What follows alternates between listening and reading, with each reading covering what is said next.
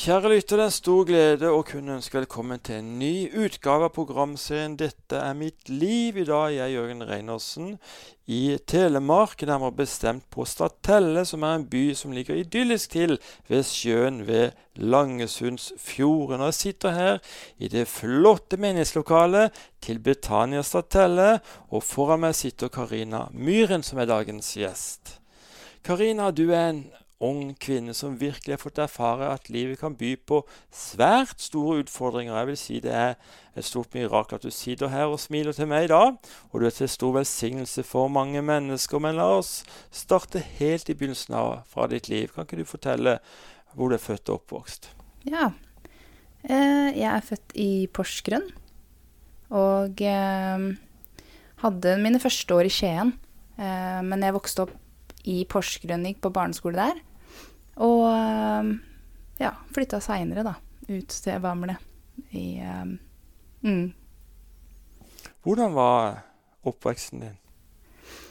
Eh, ja, det har jo vært eh, veldig mange forskjellige eh, situasjoner da, som jeg har vært igjennom opp, eh, opp gjennom oppveksten. Eh, men jeg vokste opp i et kristent hjem.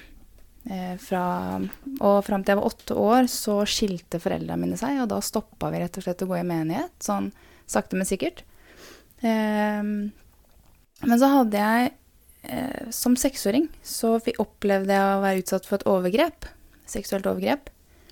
Eh, og da ehm, husker jeg at eh, i, når jeg nærma meg 12-13-årsalderen, så begynte jeg å, å, slite litt med det, uten at jeg var klar over det sjøl, egentlig. Jeg huska ikke så mye, men kroppen min gjorde det, da. Så det kunne være lukt, det kunne være ja, temaer man kom inn på. Jeg eh, var ikke så glad i menn og gutter, rett og slett.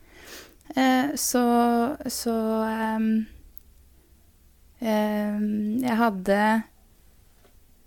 Ja, fra jeg var 12-13 år, så, og, og, vi hadde jo stoppa å gå i menighet, så, så ser jeg tilbake på det nå, så leita jeg så etter mening.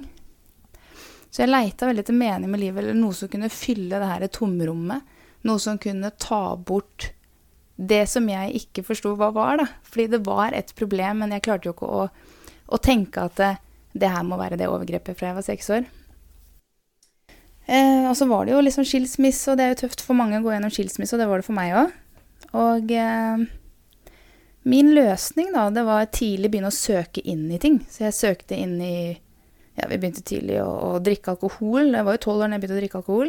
Røyka tidlig. Eh, begynte å røyke hasj. Det førte til selvskading. Og eh, så blir det her liksom en sånn ond sirkel. Da. Så jeg endte jo opp i masse både angst og depresjon og ja. Ja, for det, rusmidler det fører jo ofte til angst og depresjon. Ja, det, det gjør det. Og det gjorde det med meg òg. Så det, det blei på en måte jo, også jo mer angst Jo verre angsten blei, da, og jo mer deprimert jeg ble, jo mer brukte jeg også rusmidler. Så det blir jo en sånn eh, ond spiral da, som man sånn springer inn i.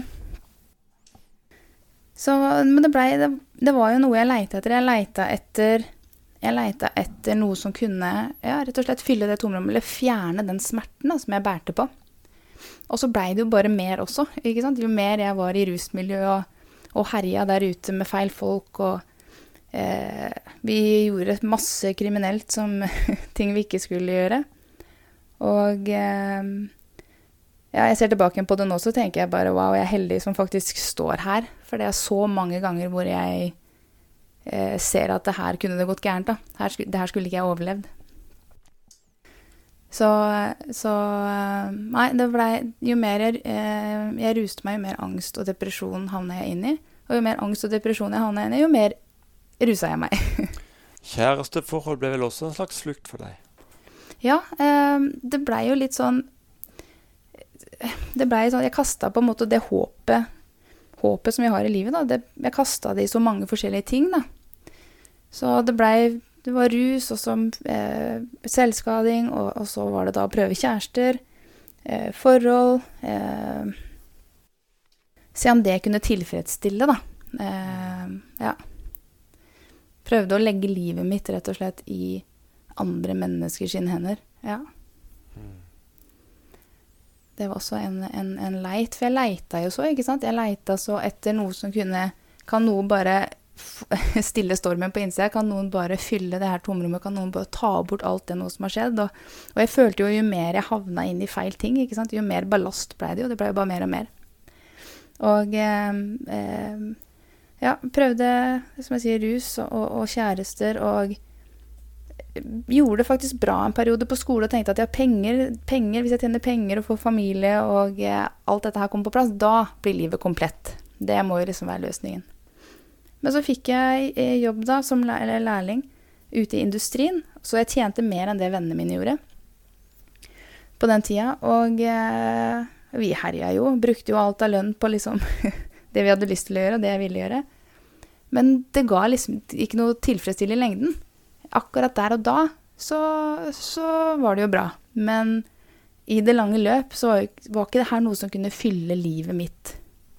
Og jeg var nok veldig sånn tenker, veldig analytiker, og er jeg det fortsatt i dag.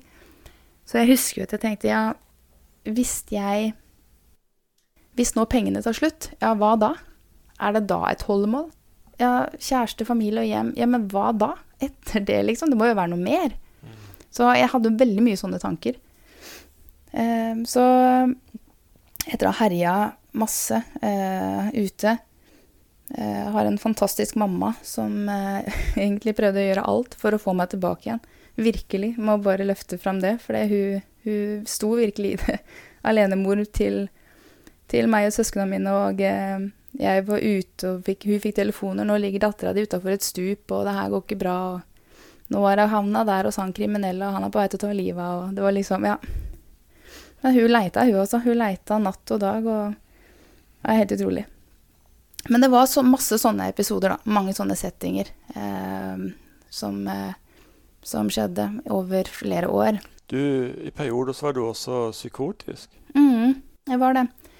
Og eh, jeg rota meg også veldig mye inn i de okkulte tinga, for det, også var en ting jeg, ikke sant? jeg leita etter svar i det òg. Så jeg holdt på med både Leste mye sånn englekort og holdt på med en del eh, sånn ja, eh, i forhold til spå, spådom og ja.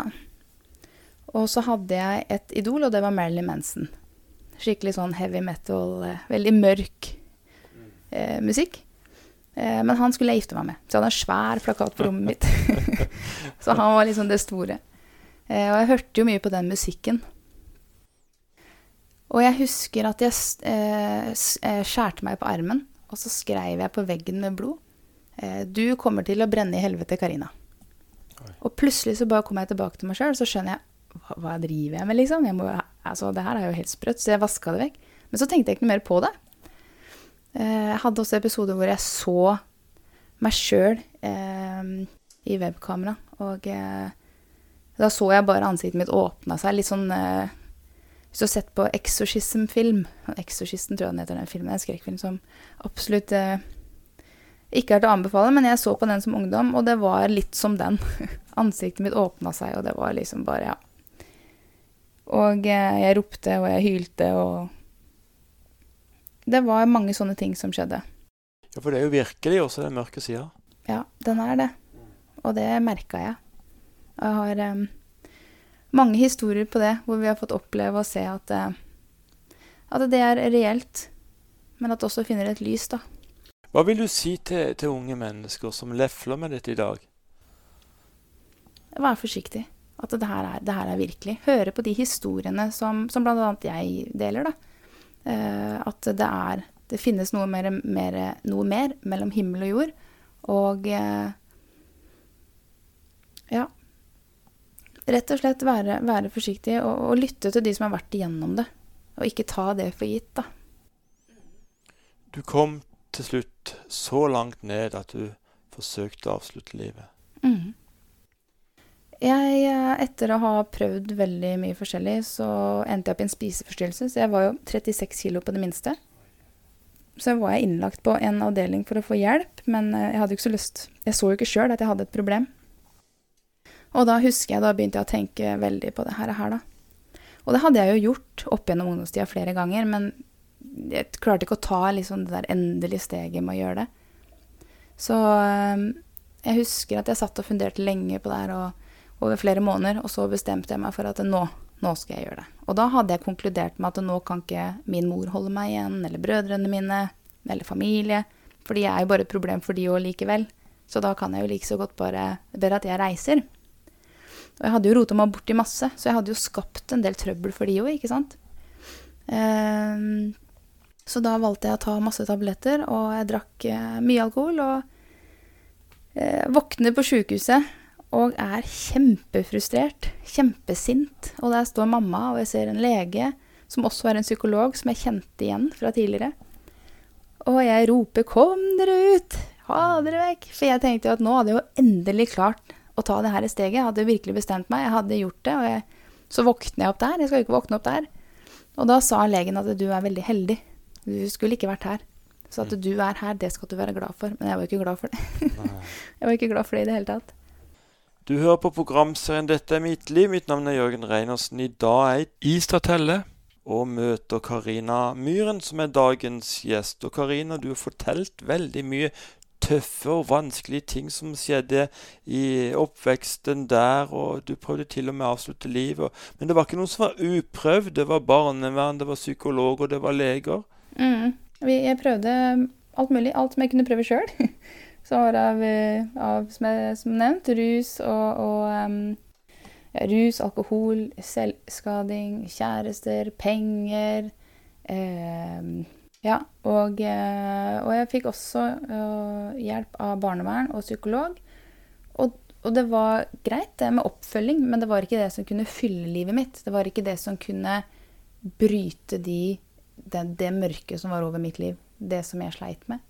Men eh, de kunne hjelpe meg til å håndtere mange ting. Håndtere og deale med angsten, håndtere eh, frykten på, på, mange måter. Men de kunne ikke fjerne det. Klarte ikke å komme meg gjennom det. Så for meg så blei det Altså jeg, jeg, løfter opp både psykologer, altså, og, og, det må jeg si. Både psykologer og, og, og andre instanser som er hjelpemidler, har stor respekt for det.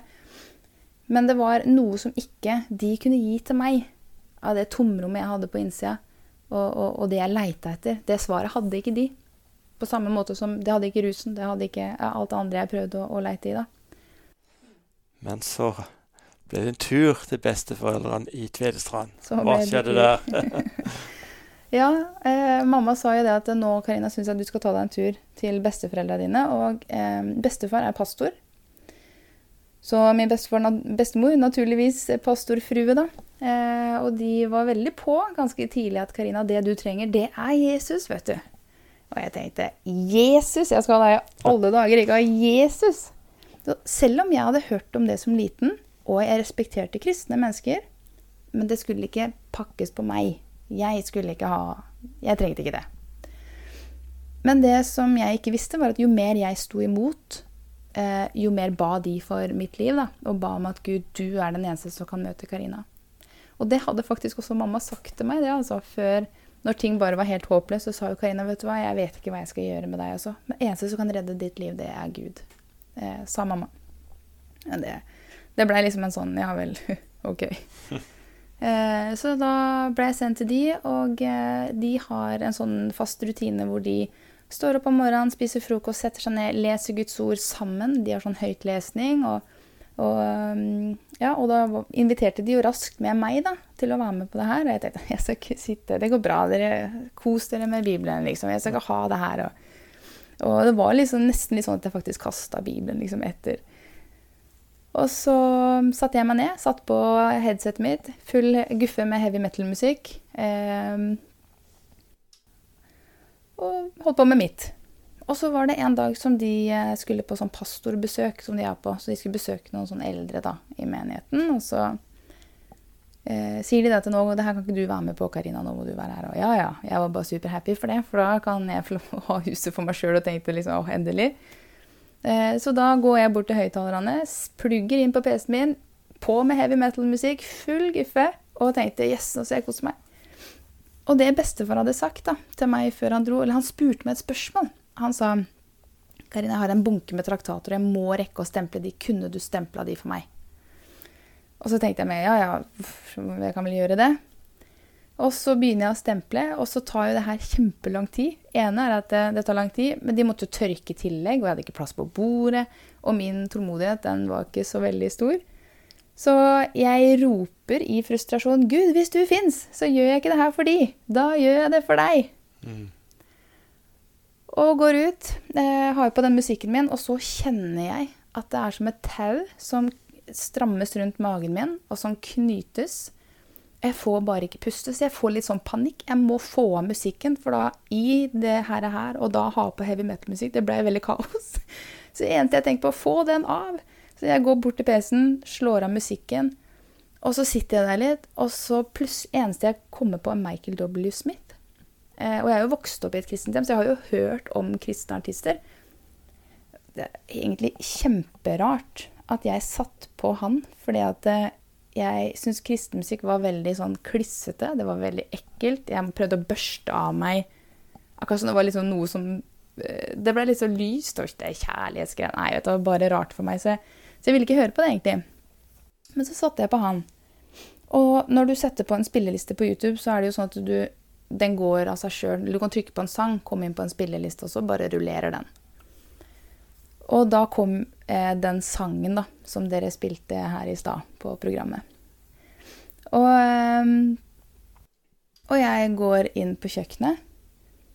Og idet jeg entrer kjøkkenet der jeg skal fortsette med disse traktatene, så er det en sånn kraft i hele det rommet at jeg faller bare på mine knær. Og jeg hylgråter. og så begynner jeg å le. Og så begynner jeg å gråte. Og så begynner jeg å le. Eh, og det føltes ut som jeg satt der i flere timer. Det var kanskje et par minutter, tre minutter. Eh, og ingen trengte å fortelle meg at det du opplever nå, Karina, det er Gud. Jeg bare visste at her er Gud. Jeg var sammen med Gud. I det rommet, der var Gud. Og i samme øyeblikk så kjenner jeg at nå, dette her er det jeg har lengta etter. Det er dette her jeg har leita etter. Og, da, og jeg har jo lært at du må, for for å eh, bli frelst bli en kristen, så ta imot Jesus i tro i hjertet. og så eneste jeg roper, er at jeg løfter bare ermene og sier Jesus, jeg orker ikke mer. Jeg, jeg, har ikke noe å leve for. Nå er jeg til og med brød og ta livet mitt. Jeg orker ikke mer. Nå, Jeg vil bare Kan du gi meg et nytt liv? Og, og idet jeg sier det, da kjenner jeg fysisk, og jeg, jeg har det liksom som et syn i, i, hodet mitt, hvor jeg kjenner akkurat som en hånd som kommer inn ved mageregionen min bare drar ut. Det er noe som forlater, fysisk forlater kroppen min. Og så kjenner jeg at det er noe nytt som kommer inn. Jeg hadde jo aldri hørt om altså Jeg hadde hørt, sikkert hørt om Den hellige ånd som liten, men ikke, ikke da. Så jeg eneste jeg klarte, klarte å forklare, at noe nytt kom inn, men jeg har ikke peiling på hva som kom inn. Ja. Men det var veldig tydelig at det var noe som gikk ut. Og i dag så vet jo jeg at dette her er jo krefter jeg har både rota meg inn i, og, og, og vi har en fiende som prøver å stjele, myrde og ødelegge. Og det gjorde han også med mitt liv. Så han måtte slippe taket, rett og slett. Idet jeg sa 'Jesus, nå skal du få lov til å ta bolig', så måtte han slippe tak. Og eh, eh, jeg kjenner at det er som en mugge med kjærlighet, altså vann da, av kjærlighet, som bare renner ned og bare renser. Jeg har aldri opplevd noe lignende siden. Eh, og nå har jeg vært frelst i, i snart eh, elleve år, og, og eh, jeg ser tilbake til det tomrommet da, som jeg snakker om, som jeg prøvde å fylle, har aldri vært tomt. Jeg har møtt på motgang etterpå som kristen, ikke noe tvil om. Jeg har vært gjennom masse legedomsprosesser, eh, mange ting, runder etterpå. Men det tomrommet, det har alltid vært fylt. Og så leser jeg jo, leser jo, i Bibelen at Gud har lagt evigheten ned i oss. Og det, er jo en selv, det, det blir sånn selvfølge da, når jeg leser det, fordi han, han, har jo skapt meg. Han har jo skapt oss til å ha relasjon med han. Så det jeg leita etter, var jo den relasjonen. Men jeg visste jo ikke at det var det som jeg leita etter. Leit, at jeg leita etter fylden, at Den hellige ånd skulle få komme inn. da, At jeg igjen skulle få samfunn med Gud. Så nei, det har vært det beste som kunne skje. Og fra den dagen av så begynte ting å snu. Klart at det har vært en prosess, det er helt sikkert. Men, men, eh, men da begynte det å snu. Så fantastisk. Mm. Jeg tenker på eh, besteforeldrene kom tilbake til ei forandra Karina. Ja. Hva sa de? jeg torde egentlig ikke å si noe. jeg torde ikke å si noe med en gang, for jeg var litt stolt. og skjønner du, litt, Jeg var fortsatt litt stolt. Og, Og jeg husker jeg tenkte jeg kan jo ikke si til dem nå at jeg har tatt imot Jesus. Jeg har jo vært så motstander, så jeg kan jo ikke si det at jeg har gjort det. Men eh, jeg, det tok ikke så veldig lang tid. Det var vel dagen etterpå som jeg sa det. Og da sa jeg bestefar, jeg må si det nå. Kom, du må komme, jeg må si det til deg først. Og da sier han du trenger ikke å si det, for jeg vet det allerede. Vi visste det når vi kom hjem i går. Så de hadde egentlig allerede sett det, men de venta på at jeg skulle komme og fortelle det selv. Så, så, det var egentlig ganske sterkt. Og, og, jeg husker jo jeg husker så godt jeg våkna opp dagen etter. Og jeg hadde egentlig litt sånn småpanikk, egentlig, fordi jeg leita etter hvor er, hvor er det her mørket som jeg har hatt i, både i meg og rundt meg? Hvor er det hen? Og jeg klarte ikke å finne det. Så det var, og jeg, det var nesten litt sånn at jeg gikk på månen, for jeg følte meg så lett. Så det var virkelig som en lysbryter da, som gikk fra av, av um, som gikk fra mørkt, uh, mørkt, til lys. Og jeg husker liksom bare Hvor er den? Hvor er det hen? Uh, så jeg opplevde virkelig at det å bli en ny skap... Det som det står, da, at den som tar imot, blir en ny skapning i Kristus Jesus, det, det opplevde jeg virkelig. Det å bli født på ny, som Bibelen snakker om. Du fikk gjenopprettelse på det ene området etter den andre. Ja, jeg gjorde det. Eh, tomrommet var fylt, og, og, og um, og jeg merka jo at ting hadde skjedd. Jeg husker jeg hadde min første Jeg løy for første gang som kristen, som troende.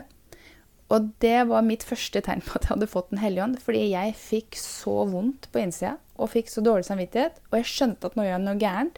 Og jeg hadde ikke problemer med å lyve. Jeg var lystløgner så det holdt. Så det var liksom første tegnet, da. Men jeg hadde jo spiseforstyrrelse, og de, det her mørket som jeg snakker om, det, det måtte slippe taket. Og, og um, og jeg blei frelst, og jeg blei født på ny. Eh, men hodet mitt og tankene mine er jo ikke sånn at det plutselig bare Nå var alt vekk, liksom, av det mm. som jeg har tenkt før. Eh, så spiseforstyrrelsen var jo fortsatt aktiv i, måte, i, i tankene mine og, og, og, i livet mitt. Så eh, det begynte egentlig Hele den vandringen begynte med at min bestefar eh, lærte meg å gjøre Guds ord. Fordi at jeg var helt overbevist om at de fortsatt var hjernevaska. Selv om jeg For jeg hadde hatt en opplevelse med Gud. Stor opplevelse med Gud. Jeg hadde jo blitt frelst. Men Bibelen, det trengte jeg ikke å lese.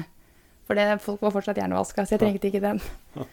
Så han var veldig, han var veldig lur, han var veldig smart. Og han, han ga meg Han kom sa 'Karina, kom her, så tar vi, tar vi et mannakorn'. Så tok vi, trakk jeg et mannakorn, og, og, jeg husker ikke helt hva det sto. Men, men jeg vet at dette her handla om eh, Guds forsørgelse. da, At han skulle forsørge, at han skulle ta vare på meg. Og jeg hadde jo fortsatt masse gjeld.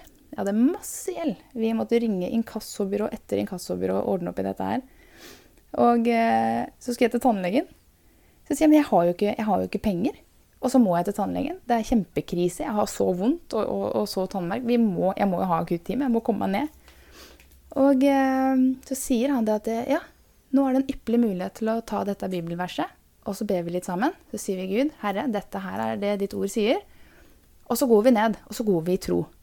Det, det gå i tro, Vi kan jo ikke gå i tro på noe som ikke har skjedd. Hallo, det her går ikke.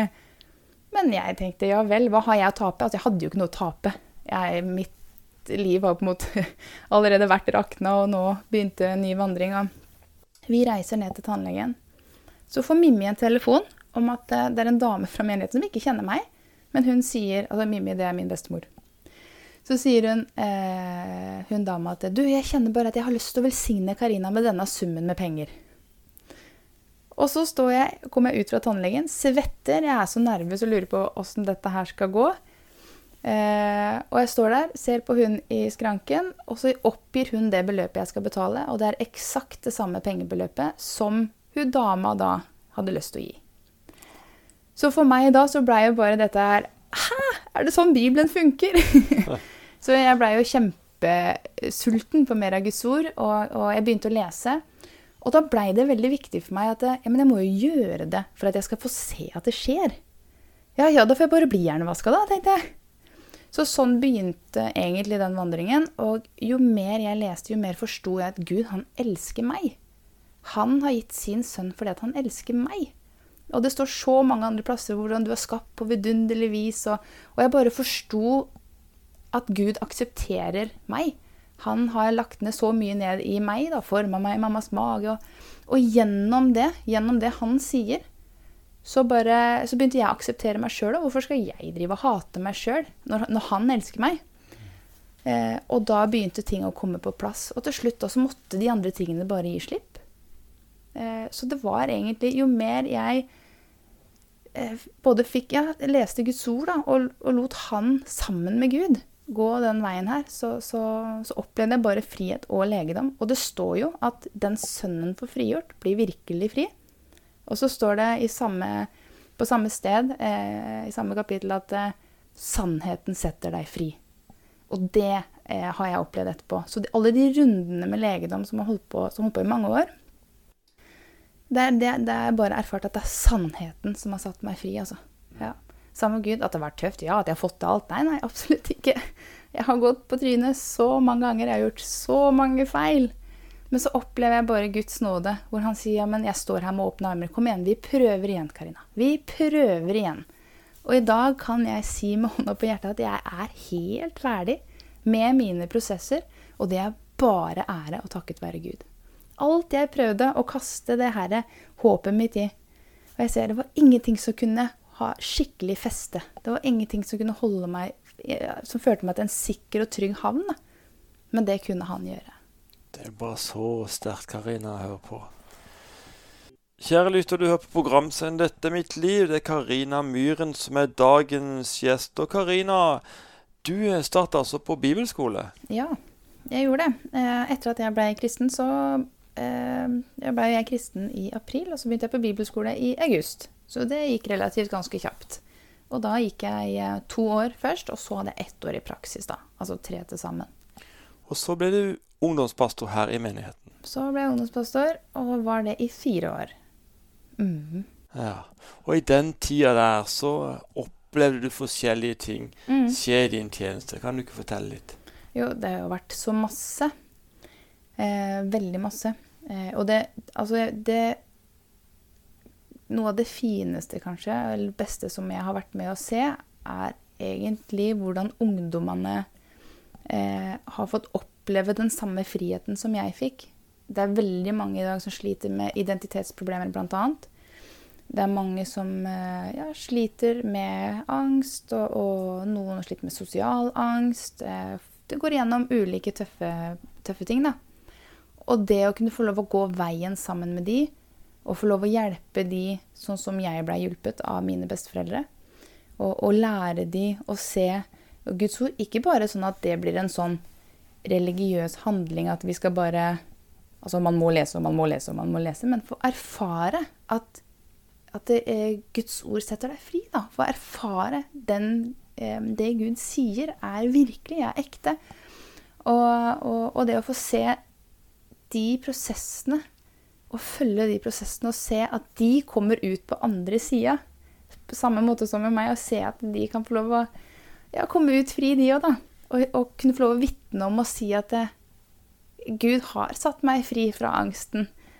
Fordi det er, det er tøffe ting, det, når man går gjennom angst. Det, det er veldig lett å si at det, det, er bare, eh, det er bare å gjøre sånn og bare å gjøre sånn. Men det er mye følelser. Det er, det er er, som mennesker så er det, er det, mange tøffe prosesser og, eh, og depresjon, og, og, man skal ikke ta lett på det. Men det er så fantastisk at vi har en frelser som faktisk en ser og erfarer at det holder, da. Ja. Og det har vært veldig sterkt å se med ungdommene. Mm. Eh, kanskje noe av det beste å få lov å gå den vandringen med de. Og, um, men så har vi jo opplevd, har opplevd å se folk også bli helbreda og fått oppleve Guds helbredelse. Eh, vi hadde en jente som brakk to ribbein og hadde kjempevondt. Og, og, vi ba masse for henne. Hun gråt, og vi gråt med henne, og vi ropte til Gud. Og, og så plutselig så begynner hun å løpe rundt i salen mm. og får virkelig erfare og får erfare at ribbeina kommer sammen igjen. Så det, var, det å se den gleden i ansiktet er helt fantastisk. Er helt fantastisk. Og Gud, han svarer på bønn. Han svarer på bønn. Og det er ikke alltid man føler man eh, ser det, kanskje alltid. Jeg ser tilbake på alt det jeg har opplevd. Um, så vet jeg jo at mine besteforeldre Altså i dag vet jeg at mine besteforeldre og min mor, kanskje flere også, har stått rundt og bedt for meg. Nå må Gud, nå må du redde Karina.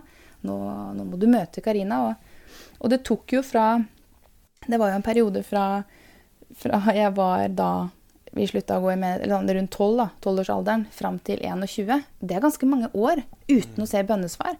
De roper til Gud. 'Jeg er på det verste.'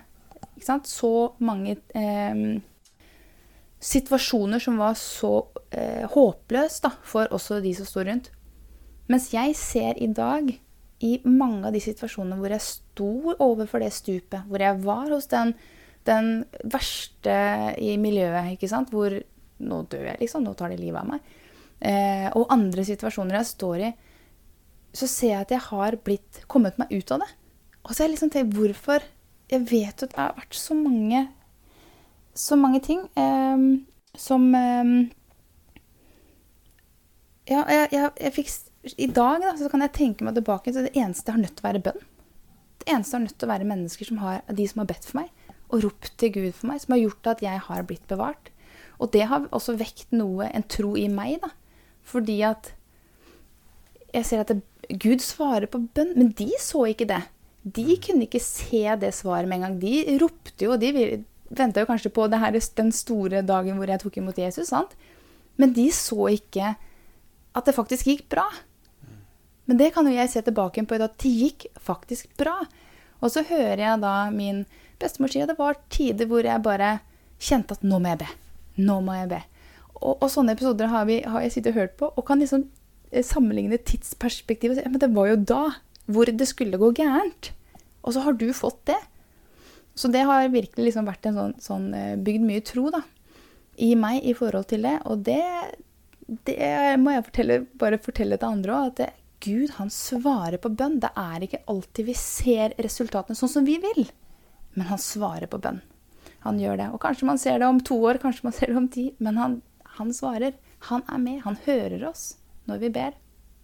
Det er godt du understreker betydningen av å stå fast i bønn. Veldig bra. Når jeg forberedte meg til dette programmet, Karina, så, så at jeg tenkte på eh, når jeg leste at du, som du delte tidligere i programmet, at eh, du forsøkte å avslutte ditt eget liv så vil jeg bare spørre deg, kan du komme med en hilsen til, til mennesker som kanskje som hører på dette programmet, som, eh, som har slike tanker? Mm. Jeg forstår at det er tøft. Jeg forstår at livet bare av og til føles så håpløst. Eh, og at man kanskje også bare kjenner det liksom i hvert fiber av kroppen at dette, jeg makter ikke mer, liksom. Jeg orker bare ikke det her mer. Eh, og det forstår jeg eh, og kan kjenne meg igjen i. Men etter å ha fått erfare og få oppleve og se at det er en Gud som elsker meg, så vet jeg også at det er en Gud som elsker deg. Jeg er helt overbevist om at det er en Gud som også elsker deg. Og det gjør han. Og han har så store planer, både framtid og håp. Og han har skapt deg med en hensikt. Og det husker jeg jeg kunne føle av og til. at det, ah, ja, det Til og med som, som troende. Eh, både ikke-troende og troende. At det, det, er jo ikke noe mening med meg. Det er jo ikke noe hensikt med meg. Men det er nettopp det det er. Det er en hensikt med alle som han har skapt. Og største og beste av det er at han ønsker å være sammen med deg. Her, i dette livet. Være sammen med deg. Men du er bra. Og du er bra nok. Vi er aldri bra nok for frelsen. Det er derfor vi trenger Jesus. Men vi, det Gud har skapt i oss, det er bra. Og det han har skapt i deg. Og, um, og det er en Det er lys, faktisk. Man sier det er lys på den andre sida, og det er det. Hold ut og, og, og um, ja, Det jeg føler jeg kan si, er kaste håpet sitt på en måte på riktig sted, sånn som jeg gjorde. Eh, for det står at det, Jesus han vil si at vi kan kaste alt på han, og han skal gi oss hvile. Og det gjør han. Det gjør han virkelig. Så det er framtid, og det er håp. Og det er en Gud som elsker deg, som har Han etterjager deg i sin kjærlighet. Han, han, han etterjager deg så stort, så sterkt. Veldig bra, Karina. Nå reiser du rundt eh, forskjellige menigheter og preker. Mm. Eh, hva er det som ligger sterkest på ditt hjerte nå for tida? det er eh, å få evangeliet ut. Ja, å fortelle, fortelle hvem, eh, hvem, Jesus er, og hva han har gjort. Eh, og også dele det Gud har gjort, vitne om det som han har gjort i mitt liv. I håp om at det også kan være med å skape håp hos andre. Eh, ja. Så det er vel egentlig det som på en måte brenner mest, da. Hvis det er noen eh, forstander eller menigheter som skulle ønske besøk, er det bare å ta kontakt? Det er bare å ta kontakt. jeg kommer. Det er, så bra, så bra. Elsker å vitne om Jesus. Mm. Mm. Eller skryte av Jesus, som vi sier. Elsker å skryte av Jesus. ja. Herlig. Mm. Denne programserien sendes jo på 15 forskjellige stasjoner rundt omkring i Norge, og nå tusenvis av lyttere hver eneste uke. Har du en hilsen til lytterne? Ja. Det må jo være veldig mye av det som jeg har prata om, egentlig, som vi har snakka om i dag. Og det er jo Det Det å Når man tar imot Jesus, så blir man født på ny og får virkelig erfare et nytt liv. Og så skjønner jeg at det er nok ikke alle som kanskje føler den her veldig radikale forandringen som jeg gjorde. Jeg var så langt, langt, langt nede. Eh, at det var nesten unaturlig hvis det ikke hadde blitt en veldig radikal forandring. Men man får erfare at det tomrommet da, som folk leiter etter eh, det, Hvis du ikke er kristen, da, så se på hva er det, er det Hva er det jeg kaster håpet mitt i? Og prøv å reflektere litt og se. Fordi jeg tror at de fleste mennesker på samme måte som meg prøver å kaste, eh, finne det her håpet som skal få et holdepunkt. Er det penger? Er det fotball? Er det karriere? Er det familie? Men hvis, den, hvis det ryker da, ikke det er mer, hva da? Og det er fordi at vi mennesker vi jager jo ikke sant, etter å få den her relasjonen uten at vi vet det. Fordi Gud har lagt evigheten ned i alle mennesker. Så det er noe vi automatisk på en måte jager etter, da. Um, og eh, samme for troende også. Jeg har opplevd at eh, også ettersom jeg har vært kristen, det tomrommet har alltid vært fylt. Men jeg har opplevd at jeg har plutselig begynt å, å sette håpet mitt i andre ting enn eh, Jesus. Og så har jeg erfart at å nei, nå, hva er det jeg driver med? Og merker at det her holder, har jo ikke noe feste. Det her er jo tomhet. Og så har jeg skjønt bare at nei, jeg må jo fortsatt holde eh, Kaste håpet mitt i Han, hvor den trygge havna er, da. Og det er virkelig en trygg havn. Virkelig. Det er som å kaste ankeret sitt. Man tar et anker eh, på innsida i sin sjel, og den kaster du et sted. Og hvor kaster du den hen?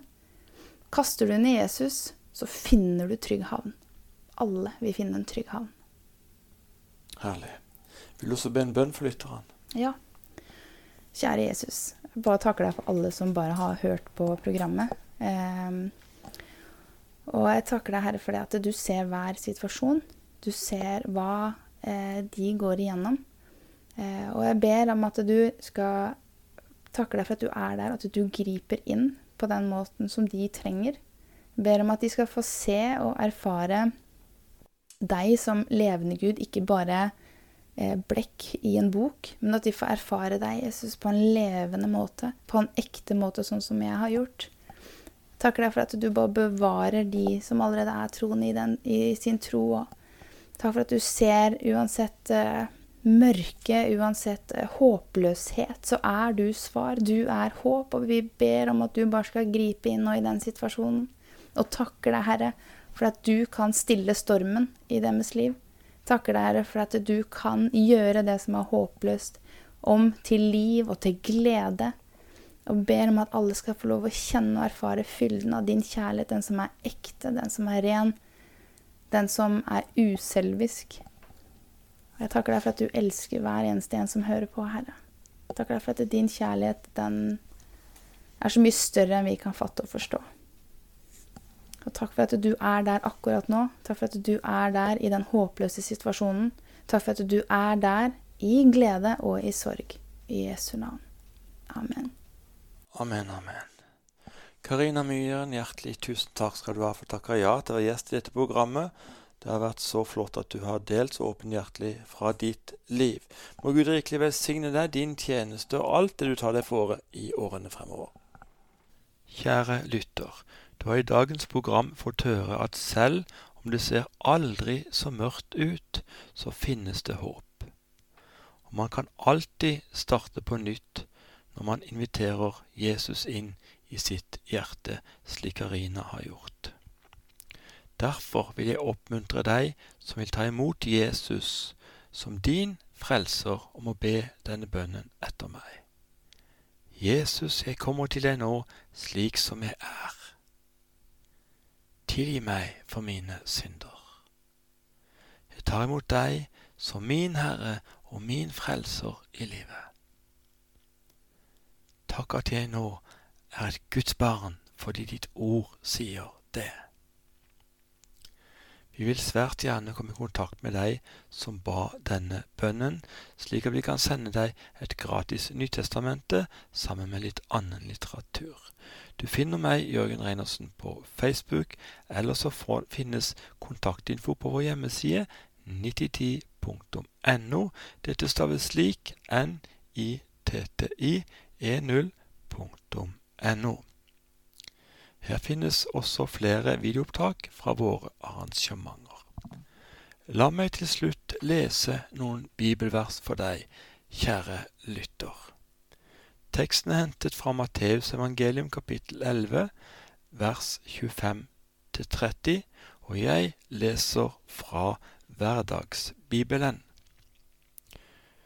Så ba Jesus høyt. Jeg takker deg, Far, himmelens og jordens Herre, at du ikke har vist dette til intellektuelle og lærde mennesker, men at du har vist dette til vanlige folk, for det var slik du ville det skulle være. Min far har gitt meg et stort ansvar. Se på meg, jeg er et bilde av Gud, bli kjent med meg, og du blir samtidig kjent med Gud, min far? Kom til meg, du som er sliten og full av bekymringer, så skal jeg gi deg hvile. Følg meg og vær min disippel og lær av meg, for jeg er mild og ydmyk av hjerte. Da vil dere finne sann hvile og det virkelig gode liv. Å følge meg er ikke tungt og vanskelig, og det fører deg på rett vei. Da takker vi for i dag og ønsker deg, kjære lytter, det beste av alt, Guds velsignelse. Husk du er verdifull og høyt elsket av Gud. Det finnes bare én som deg.